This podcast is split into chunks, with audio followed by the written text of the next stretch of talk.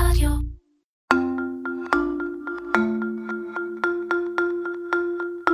קודם כל, בריאות. רפואה, חדשנות ומה שביניהם. עם אפרת אנזל. ובשיתוף אסטרזניקה. אם בראשית המאה ה-20 מדובר היה בסרטן נדיר מאוד, כיום סרטן הריאה הוא כבר הסרטן השני בשכיחותו בעולם המערבי, ואחד הקטלניים ביותר. הסכנה הגדולה במחלה הזו היא העובדה שלרוב היא מתגלה בשלב מתקדם, ואז גם סיכויי ההחלמה הולכים ופוחתים. מכאן המסקנה ברורה, גילוי מוקדם. תשומת לב לכל סימן או סימפטום, וריצה לרופא במקרה הצורך. שלום וברוכים הבאים לפודקאסט קודם כל בריאות. אני אפרת אנזל והיום אנחנו כאן כדי לתת לכם את תמרורי האזהרה, כדי שתוכלו לזהות בזמן, ללכת לאבחון, ואולי אולי אפילו בשאיפה להציל את חייכם או חיי הקרובים אליכם. אנו גאים לארח באולפן אה, שני מומחים מובילים בתחום, איתנו דוקטור מאיה גוטפריד, מנהלת המחלקה האונקולוגית בבית החולים מאיר בכפר סבא, ומרצה בכירה באוניברסיטת תל אביב, ואיתנו גם פרופסור דוד שטרית, מנהל מערך הריאות במרכז הרפואי מאיר בכפר סבא. שלום לכם, שלום לשניכם. שלום וברכה. שלום רב. אז אנחנו מתחילים, אה, דוקטור גוטפריד, המספרים קשים מאוד, אלפי חולים חדשים בשנה בישראל. מה השכיחות של סרטן הריאה היום אה, במדינתנו, ואיך בעצם אפשר לשפר את הנתונים? אז קודם כל, כדי לשפר את התוצאות אנחנו צריכים שני דברים פשוט. אחד, לשפר את הטיפולים במחלה שהיא מפושטת, שלצערי הרב, מהמם. שני שליש מהחולים מתגלים שהמחלה היא מתקדמת או מפושטת, או למצוא גילוי מוקדם של סרטן, וזה שני הדברים שבעצם יפחיתו את מספר התמותה, יורידו את מספר התמותה. כן, מבחינת שכיחות, זה כמובן דורש... מבחינת שכיחות, יש לנו בארץ כ-2,400 חולים חדשים בשנה, זאת אומרת יחסית ה incidence בארץ הוא נמוך יותר. אם ניקח את הונגריה, מהמם. יש להם בערך עשרה מיליון, יש להם עשרת אלפים אה, חולים חדשים בשנה. פי ארבעה. בדיוק. בדיוק. מהמם. אחת הבעיות אבל באמת בסרטן אה, ריאה, זה שעד שלב די מתקדם המחלה לא נותנת נכון. סימנים. נכון, אה, פרופסור שטרית? נכון, זה אחת הבעיות שיש לנו עם סרטן הריאות. אנחנו מדברים על גילוי יחסית מאוחר, בגלל שבעצם דבר יכול לגדול בתוך הריאה, וכל עוד הוא לא מגיע למעטפת של הריאה, לפלאורה מה שנקרא, הוא לא, ייתן, הוא לא ייתן סימפטומים. והרבה מאוד חולים מגיעים בשלב מאוד מתקדם. הם, אה, הם אה, מגיעים רק לאחר שהם החמירו את השיעול שלהם, לחד עמית, ירידה במשקל, ומבחינתנו זה שלב מאוד מאוחר. איך זה? איך זה שמשהו גדל לנו בתוך הגוף ולא נותן שום סימן? הסיבה היא פשוטה, אנשים הם לרוב מעשנים, זה הגורם הסיכון מספר אחד, והרבה מהם מעשנים הם משתעלים ומקייחים כל בוקר, אז קצת שינוי בגוון השיעול או בכמות השיעול לא משנה להם משמעותית את ה... את ה לא מדליקה להם נורה אדומה. כן. אז מן הסתם הם לא יפנו לרופא. מתי פונים לרופא? שיש כבר לך דמית, שיש ירידה במשקל, שמעירים לך שאתה כבר נראה שונה, וזה מבחינתנו סימנים מאוחרים. מאוחרים. אז בואו באמת נדבר על הדרגות של סרטן אה, ריאה. אה, דוקטור גוטפריד, אמרת שבאמת המחלה מאובחנת בשלבים מאוחרים. את יכולה לעשות לנו סדר בשלבים? דרגות המחלה בסרטן ריאות הן כמו בכל המחלות, שלב 1, 2, 3 ו-4. 1 ו-2 זה שלבים מוקדמים, בדרך כלל הם מתגלים בצורה אקראית, מה זה אומר? מישהו עשה סיטי בטן ובמעבר ההוא נמצא, מישהו הלך לעשות צילום חזה לקראת ניתוח הרניה ומצאו נמצא. אלה הם שלבים של מחלה שבדרך כלל אם ניתן אנחנו מנתחים את החולה, פלוס מינוס טיפול משלים. שלב 3 זה מחלה מקומית מתקדמת, זאת אומרת המחלה היא בתוך בית החזה, היא מתקדמת מפני שיש בלוטות במיצר, שזה האיבר שמפריד את שתי הריאות, יחד עם הגידול. ושלב 4 זו מחלה מפושטת, זאת אומרת קרי מחלה גרורתית באחד האיברים, או בריאה השנייה, או בכבד, עצמות, מוח וכולי. אלה הם ארבעת השלבים. אז יושב עכשיו בן אדם, מאזין לנו באוטו, בביתו, ואומר, אה, אוקיי, הזכרת באמת את הממוגרפיה לסרטן השד, אה, אנחנו יודעים שיש קולונוסקופיה לסרטן המעי, לסרטן הריאה. נכון. אין אבחון מוקדם? אין איזושהי בדיקת סקר שאפשר להריץ על האוכלוסייה ולזהות את זה בשלב מוקדם? את צודקת, זה מאוד יפה. הבדיקת סקר האחרונה שראתה איזושהי יעילות זה בדיקת CT במינון קרינה נמוך. זה עדיין לא נכנס כסטנדרט בינלאומי עדיין באף מדינה, כיוון שיש עם זה בעייתיות. אם אתה מתחיל בגיל 50, עד איזה גיל אתה חושף את החולה כל שנה ל-CT, ותוך אה, כמה זמן. אם אתה לא מוצא כלום, אתה מפסיק אחרי שנתיים, אם המטופל ממשיך לעשן, אתה ממשיך עד גיל 74. אם אתה מוצא ממצא קטן של שלושה או ארבעה מילימטר, כל כמה זמן אתה עוקב, ולעשות CT במינון קרינה נמוך, צריך להכשיר רדיולוגים. כפי שאנחנו הצענו עם האיגודים השונים, כולל האונקולוגים והפנמולוגים והרנטגנולוגים, לעשות תוכנית ארצית שבה יכשירו אה, רנטגנולוגים. אל תשכחי שזה אותם רנטגנולוגים שנותנים מענה ל-CT של חולה, mm-hmm. והם צריכים גם להתפנות למסה אחרת. כן. צריך להכשיר אותם לדעת לקרוא CT במינון קרינה נמוך, שנקרא לחלוטין שונה מ-CT רגיל. צריך לדעת לפענח את הממצא, על מתי לעקוב, כל כמה זמן הדברים לא ברורים, ואנחנו מקווה שבקרוב תהיה איזושהי תוכנית ארצית, כמו שאת אומרת, ממוגרפיה וקולונוסקופיה, גם CT חזה, אין לנו כרגע בדיקה יעילה יותר אה, בגילאים מוקדם. אז אי אפשר לשלוח באמת את כל האוכלוסייה באופן אה, גורף אה, לבדיקה לא. הזאת. פרופסור שטרית, את מי בכל זאת תשלח ל-CT בקרינה נמוכה? כמובן שמישהו מעשן אקטיבית ומפתח כן איזה שהם סימפטומים, שינוי בגוון הליכה, שינוי בשיעול, אה, ירידה במשקל, סימפטומים מכוונים, אז כמובן מיד צריך ללכת לרופא המטפל ומיד להתקדם לבדיקת ה-CT. זו הבדיקה הראשונה שאיתה צריך להגיע לרופא ריאות. זה הכלי עזר החיוני מבחינתנו. ברגע שאנחנו נגיע ל-CT ריאות, כמובן נראה אם יש כן מחלה ובאיזה שלב היא נמצאת, ונתחיל את כל שרשרת הבירור בהקדם האפשרי. אוקיי. Okay. צודק פרופסור שטרית, זאת אומרת שיכולים להביע סימפטומים. אם אנחנו מדברים על לזרוק אוכלוסייה בריאה, למעשה אנחנו לוקחים אנשים שיש להם עישון כבד מגיל 50, ושיש להם סיפור משפחתי שלפחות קרוב אחד מדרגה ראשונה. אלה שאין להם סימפטומים, עושים להם CT במינון קרינה נמוך. Mm-hmm. מה שאמר פרופסור שטרית, אלה הם נורות אזהרה שבעטיים המטופל, במיוחד אם הוא מעשן, פונה מיידית לרופא משפחה. אני חייבת uh, לשאול, אמרנו די בהתחלה שמדובר באמת בסרטן קשה, שכשמגלים אותו בשלב מאוחר, שלוש או ארבע, אז סיכויי ההחלמה מאוד מאוד uh, נמוכים. אז נשאלת השאלה, ובנוסף אנחנו אומרים שהסימפטומים מגיעים אה, גם אה, בשלבים יחסית מתקדמים. אז מישהו יאזין לנו ויגיד, אז, אז למה, למה אני עכשיו צריך ללכת להיבדק? אם עכשיו יש לי אה, לך דמית, אני מת מפחד, אני, לא, אני מפחד להתמודד עם מה שאני אגלה. מה, איך אנחנו משכנעים את האנשים, גם בשלב הזה, גם בשלב שכבר יש סימפטומים לא פשוטים, ללכת להיבדק?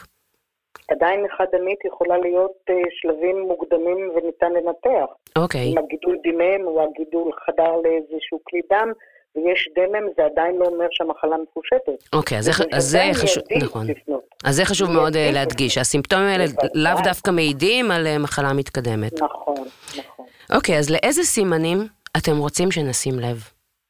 אם יש בחור צעיר, שהוא מעל גיל, אה, מעל גיל אה, אה, 40 אפילו, שיש איזשהו שינוי, אם הוא לא משתעל, הוא אפילו מעשן ומשתעל, והאופי של השיעול השתנה, אם זה אופי לילי או הליכה או צבע הליכה, אם זה לווה באיזשהו סימפטום, הוא מיד צריך להיבדק צילום ו-CT. זאת אומרת, שני סימפטומים ממה שפניתי. כמובן, אם מתלווה לזה סימפטום נוסף, כמו עייפות, כמו חולשה או כמו כאב, זה ברור שזה מיידית. אפילו סימפטומים קלים מגיל 40 ומעלה, חייב לפנות לרופא משפחה שהוא יפנה בהמשך לרופא ריאות, ימשיך את השרשרת בריאורים. נכון, וחשוב מאוד לא להסתמך על בדיקות דם, כי הרבה חולים אומרים, אבל עשיתי בדיקות דם תקופתיות והם היו בסדר. בדיקות דם תקופתיות הן לא מספיק רגישות ואין בהן אה, אה, שום דבר בעצם לומר לנו לגבי כן לא גידול ומה מצבו. אגב, אה, מרבית הסימפטומים האלה גם יכולים להיות אה, להעיד על מחלת ריאות אחרת, נכון? זה לא כאילו, אוקיי, לך דמית, אנחנו עכשיו נכון, מדברים על סרטן. זה גם חשוב ב CT, לדעת. נכון, בהרבה מקרים נקבל ב CT תשובה של אמפיזמה בלבד, דהיינו נזקי עישון, בלי נוכחות של גידול, אבל א', גם את זה כדאי לאבחן, אולי זה יהיה איזשהו טריגר להפסקת עישון, וב', זה עושה לנו איזשהו base אה, למצב בסיסי כדי לראות מה קורה הלאה אה, למעקב עתידי, אז זה גם חשוב. נכון, גם חולה שהוא מעשן ויש לו קיח, הופך להיות דמי, חלקם גם לוקחים נוגדי קרישה.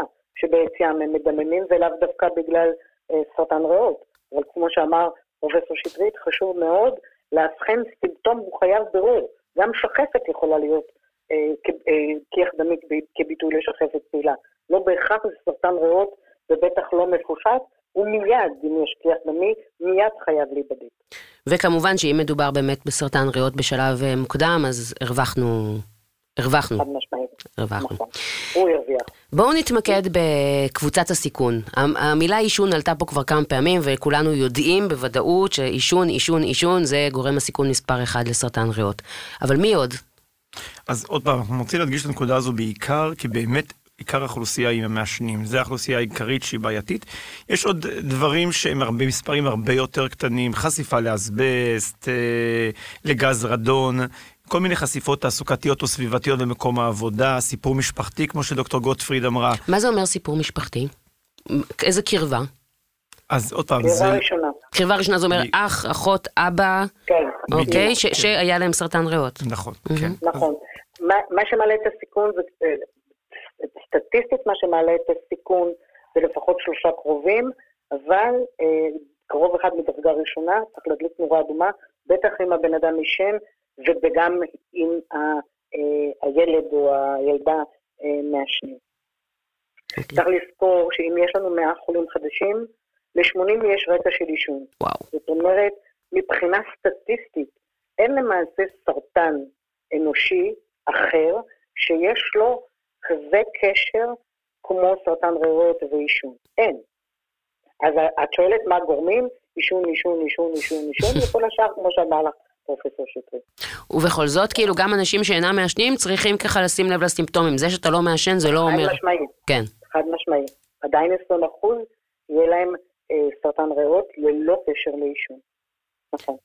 יש אגב כל מיני סוגים של סרטן ריאות, אנחנו לא נעמיק ממש לתוך כל אחד ואחד מהם, אבל אה, יש גורמי סיכון שונים לסוגי סרטן ריאות לא, שונים? לא, לא, לא. יש שתי קבוצות, כן, כן ולא. יש שתי קבוצות בסרטן ריאות ובמילה אחת. קרוב. בין 85 ל-90 אחוז, זה נקרא לא תאים קטנים, או בלועזית non-small cell. Mm-hmm. ושם יש תת סוגים, שזה הדנוקרצינומה בעיקר, שהיא אופיינית גם אצל המעשנים וגם אצל הלא מעשנים, או גידול קשקשי שנקרא סטרומה, שהוא אופייני יותר למעשנים באחוזים נמוכים, נראה אותו אצל המעשנים. הקבוצה של 10 עד 15 אחוז, בממוצע 13 אחוז, בתאים קטנים, וגם שייך לסרטן ריאות, ופה ב-97% יש קשר לעישון. תראי, על כף יד אני אספור לך אנשים שטיפלתי בהם שיש להם סמולסל שלא עישנו, כי 97% יש רקע של עישון.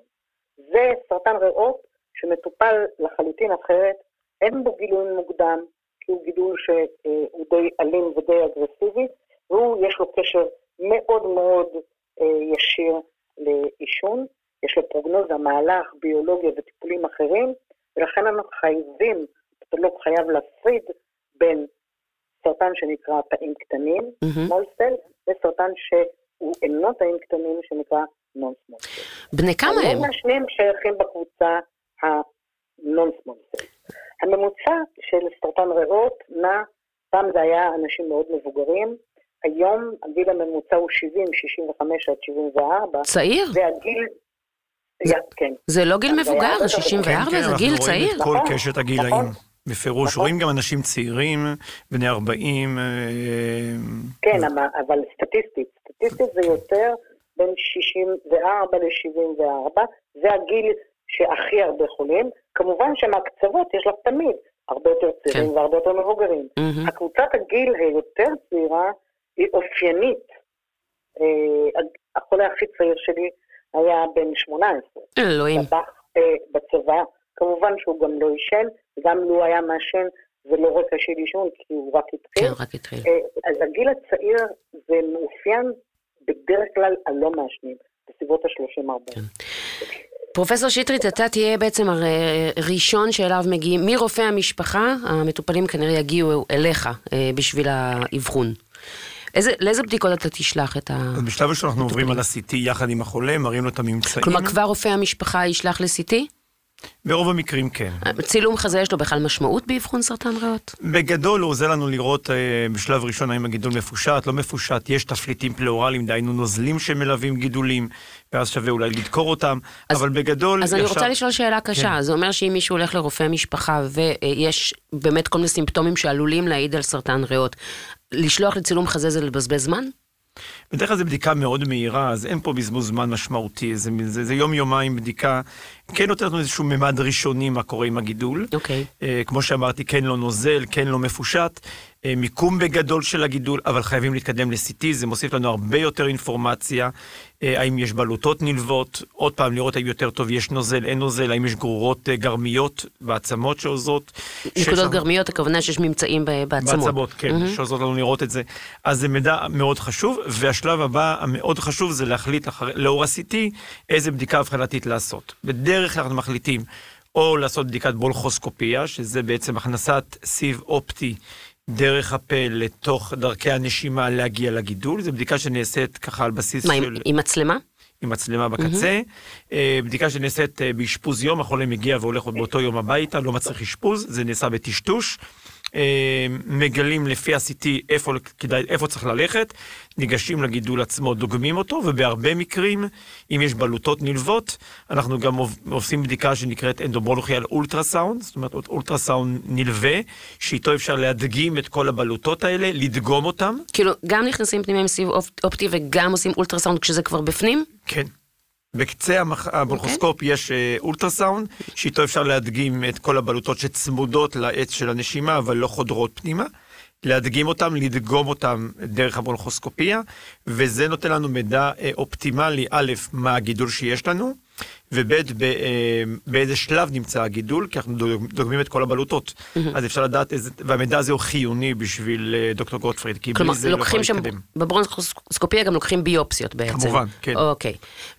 נניח ונמצא... רגע, זו בדיקה אחת. אוקיי. בדיקה שנייה, זה אם הגידול הוא מאוד פריפרי ולא נגיש לבולחוסקופיה. מה זה פריפרי כוונה? בקצוות הריאה ולא כן, בכניסה. נכון.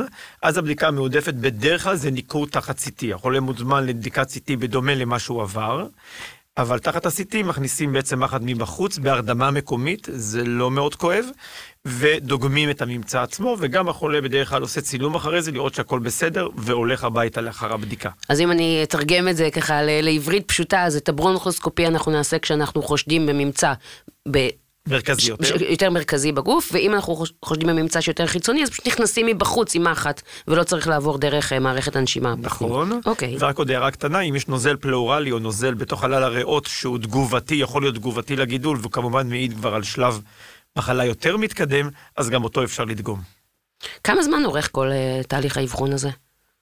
פולחוסקופיה לוקחת uh, בממוצע כשעה. כמובן, עם הרדמה וטשטוש לפני ואחרי, אז החולה צריך להיות מספר שעות במכון, אבל בדרך כלל הולכים הביתה מיד לאחר הבדיקה. וכמה זמן עד שעושים את ה-CT ואת הברונכוסקופיה או את הניכור, כמה זמן זה, זה לוקח? אז זה עקב אכילס שלנו. זה מאוד צריכים ללחוץ א' על הקהילה ועל הרופא המטפל, להקדים מאוד את בדיקת ה-CT. ולאחר שיש CT כמובן צריך להגיע כמה שיותר מהר לרופא ריאות, ולפעמים זה גם בדיקה שלוקחת, זה גם אה, אינטרוול שלוקח קצת זמן ומאוד חשוב אה, כן לזרז את זה. ראינו לא מעט עכבות בעידן הקורונה אה, לאחרונה, אה, שגרמו לנו שחולים הגיעו קצת בשלב מאוחר, אז מאוד צריך להיות ערניים להגיע כמה שיותר מהר לרופא מטפל. בדרך כלל כשמגיעים לרופא ריאות, הוא קובע די מהר את הפרוצדורות האלה. ו- ומתקדמים די מהר לכיוון הבחנה. אם אנחנו רוצים לקצר עוד את התהליך, כשמישהו מגיע אליך לרופא ריאות, הוא כבר צריך להגיע עם איזה שהן בדיקות? כבר משהו שיכול לחסוך זמן? אז תראה, בדיקות כלליות זה כמובן מאוד מאוד חשוב לנו, לראות ספירת דם, לראות שהחולה עם תפקודי קרישה מתאימים, אה, שאין איזושהי הפרעה אלקטרוליטרית אחרת בבדיקות הדם שמעכבת אותנו מלהתקדם. אה, בדיקות דם ו-CT זה בעצם הדברים החשובים לנו. דוקטור אה, גוטפריד, האבחון אנחנו כן. שומעים לוקח קצת זמן, ובזמן הזה המטופל גם הוא דואג, בזמן הזה אולי אנחנו מבזבזים זמן. יש אפשרות, זה קורה שמקבלים החלטה על אופן הטיפול לפני שמתקבלות כל תוצאות הבדיקה? בחודשיים האלה, בחודש וחצי שזה לוקח? אסור. אסור לקבל שום החלטה טיפולית לפני שני דברים עקרוניים. האחד זה הבחנה. הבחנה זה, כפי שהסביר שטרית, פרופסור שטרית, דגימה, לא חשוב באיזה צורה היא נלקחת, טכנית, הולכת לפתולוג, פתולוג אומר כן זה גידול, ואם כן, איזה גידול. אחד. שתיים, אנחנו צריכים לדעת מה מידת התפשטות המחלה. איך אנחנו נטפל בחולה שלא נדע מה מידת התפשטותו. מהמם. ולכן אחרי ה-CT אנחנו משלימים PET-CT. ה-PET-CT הוא, הוא בדיקה שלמעשה זה CT כל גופי, מזריקים חומר, ניגוד, שזה סוכר מסומן, שאמור להיקלט היכן שהמחלה פעילה, וכיוון שזה לא מספיק טוב למוח, אנחנו משלימים הדמיה מוחית. רק כשיש לנו את כל זה, והמחלה מפושטת, אנחנו עושים דגימה של אה, בעצם שולחים את הגנטיקה של הגידול. מהמם. זאת אומרת, היום במחלה מתקדמת יש יותר טיפולים אישיים. אז אנחנו בודקים את ה... לא את הגנטיקה של המטופל, את הגנטיקה של הטיפול, ואז מחליטים האם הוא מתאים לטיפול ביולוגי, האם הוא מתאים לטיפול של אימונותרפיה, והטיפולים האלה, שני הטיפולים האלה, בעצם שינו את מפת הפרוגנוזה של החולים בשלב מחלה מתקדם. ולכן ההערכות האלה הן מאוד חשובות. כל חולה כמעט בא לדיון משותף. פרופסור שטרית מייצג את מחלקת ריאות, כירורג חזה, האונקולוגים ומישהו מהדמיה שמבין ב-CT חזה, אנחנו יושבים כל שבוע ודנים על המקרה, רואים את הצילומים ביחד ומחליטים איפה לקחת ביופסיה, אם נלקחה ביופסיה, מה הפרוצדורה, אם הוא בא ישר לאונקולוגיה, אם יש איזשהו טיפול משולב של האונקולוגים והמנתח, כל הדברים האלה דנים בקבוצה שלעיתים מיועדת לנושא סרטן ריאות, וזה מאוד חשוב, וברוב בתי החולים כך זה קורה. לכן, אם את שואלת, אם חולה מגיע עם הבחנה, איזה טיפול אני אתן לו? אני יכולה לתת לו רק טיפול כימי, אני לא יכולה לתת לו שום טיפול אחר, כי אני לא יודעת אם הוא מתאים לטיפול ביולוגי או טיפול אחר. אני לא יכולה לנתח בלי לדעת אם יש גרורות או לא, כי אחרת אני מנתחת אותו בחינם. לכן מאוד חשוב להקפיד על כל הנתונים האלה שיהיו לפני קבלה של החלטה טיפול. כן. כן, וחשוב רוצה- באמת להסביר באמת שה-CT הראשון שעשינו הוא CT של ריאות, אין סיבה לעשות אה, PET CT לפני ה-CT הראשון, כי זה... חד משמעית. אוקיי. חד משמעית. נכון, כן. אבל אה, אנחנו נתקלים בלא מעט עכבות בנושא הזה של ה-PET-CT וה-MRI מוח שדיברה אה, מאיה. מאוד מאוד חשוב ללחוץ על הרופא המטפל ולנסות בכל דרך לקצר את הזמן הזה. אפשר לבצע את הבדיקה הזו בכל בית חולים בארץ, בעצם הקופות היום די גמישות, אבל החולה צריך להיות מאוד אסרטיבי ולדרוש את זה, שזה יבוצע בהקדם.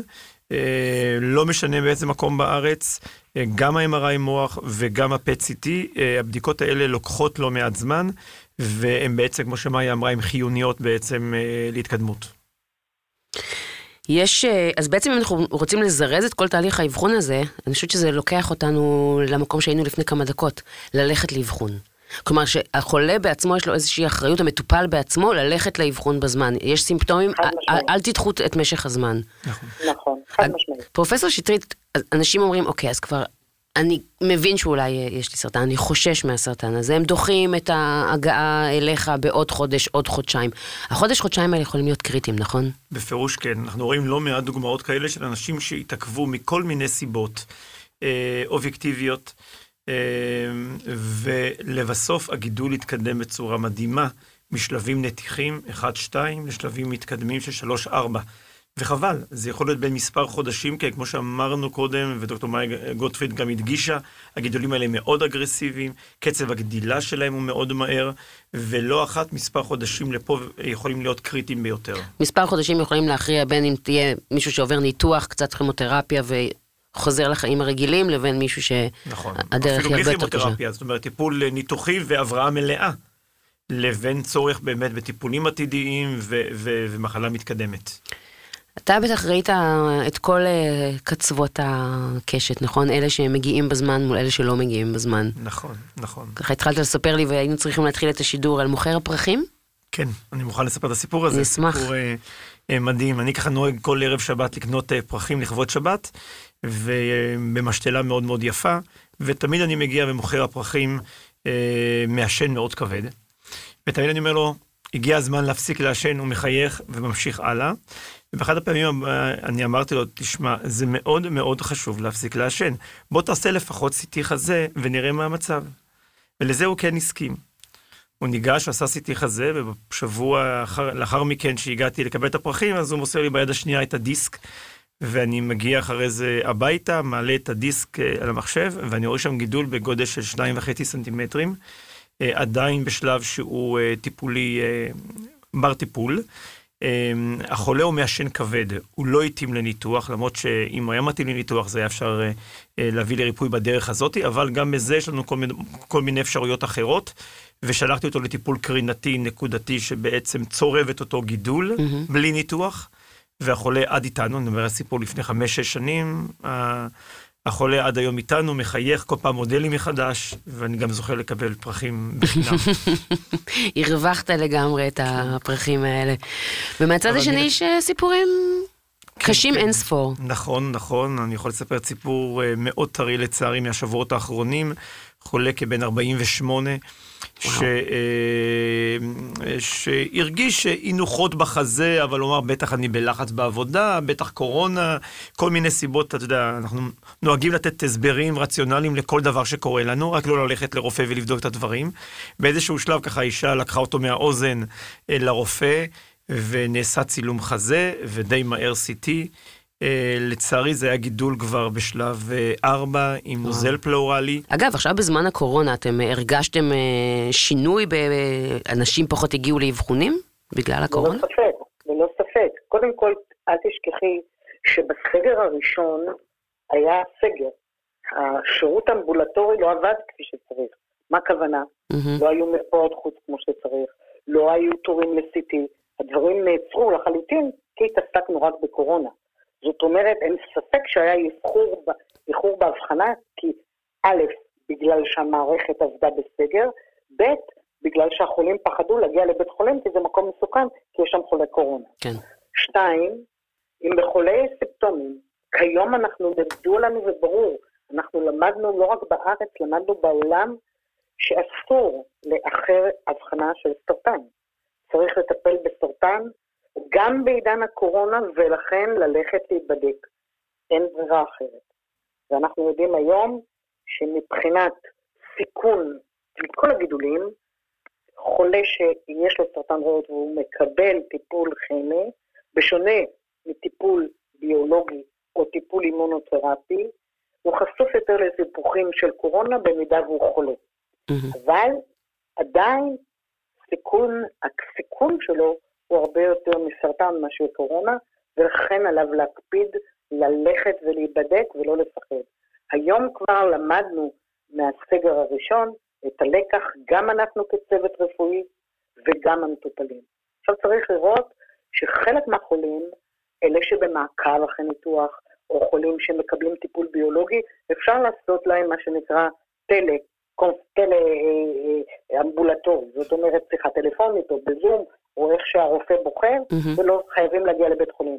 אבל חולים שיש להם סימפטומים לפני הבחנה, חייבים לעשות את כל הברור, וחולים שמטופלים בתוך הבית חולים, כי זה טיפול שניתן רק במסגרת אמבולטורית או אשפוזית בבית החולים, חייבים לבוא. נכון, ולא לעכב את הבדיקות. לא לעכב. בדיוק, כן.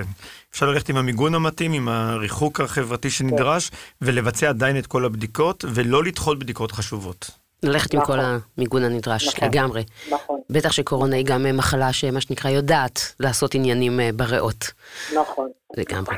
לסיכום, אה, פרופסור אה, שטרית, סימני אזהרה, בוא נחזור אליהם, אלה שחייבים לשים אליהם לב, ואלה שאיתם אנחנו רוצים שהמאזינים שלנו ילכו הביתה ויזכרו. כן, אז אמרנו, א', המסר הראשון זה לזכור שכל מי שהוא מעשן מעל גיל 50, מסביבות 30 שנות קופסה, צריך להשתדל לעשות CT בקרינה נמוכה כדי לעשות אבחון מוקדם. כמובן, אם מופיעים סימפטומים כמו שינוי בגוון השיעול או בעוצמת השיעול, לך חדשה שלא הייתה קודם, כמובן לך דמית, ירידה במשקל, חולשה לא ברורה שנמשכת מעבר לשבוע עשרה ימים. יש ספק, בעצם לא צריך להיות ספק. גש תעשה CT. גש תעשה CT. גש תבקש מהרופא שלך ותהיה אסרטיבי. נכון. זה, זה, פה, פה הישראליות שלנו היא דווקא לטובתנו. היכולת שלנו להיות קצת יותר אסרטיביים. נכון. כן, תהיו אסרטיביים. כן. לי עוד משפט אחד בשמחה. ברשותך. גם כשחולה מאובחן ויש לו רקע של עישון והוא מעשן, גם אחרי שאובחן שיש לו סרטן, עליו להפסיק לעשן. כל הנתונים בספרות מראים שהמהלך הפרוגנוזה ותגובה לטיפולים שונים הם יותר טובים אצל אלה שהפסיקו לעשן. בטח אם הוא עבר ניתוח, או אם התגלתה אפילו מחלה מפושטת. זה חד משמעי אה, המלצה. הוראה. הוראה, לגמרי. ובאופן כללי, אה, זה הזמן אה, להפסיק לעשן. לא טוב לא לקורונה, לא לסרטן, לא לשום דבר, ובטח לא, גם לא לאור הפנים.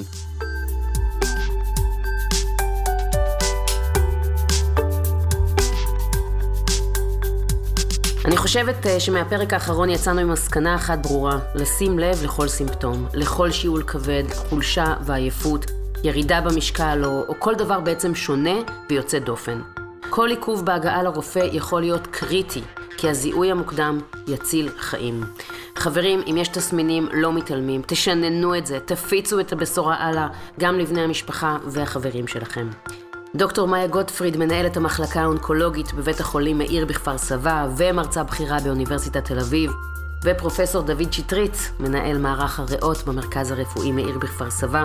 תודה רבה לשניכם, תודה רבה שהייתם כאן איתי היום. אני הייתי אפרת אנזל, תודה רבה גם לכם שהייתם איתי כאן היום, ושרק נהיה בריאים.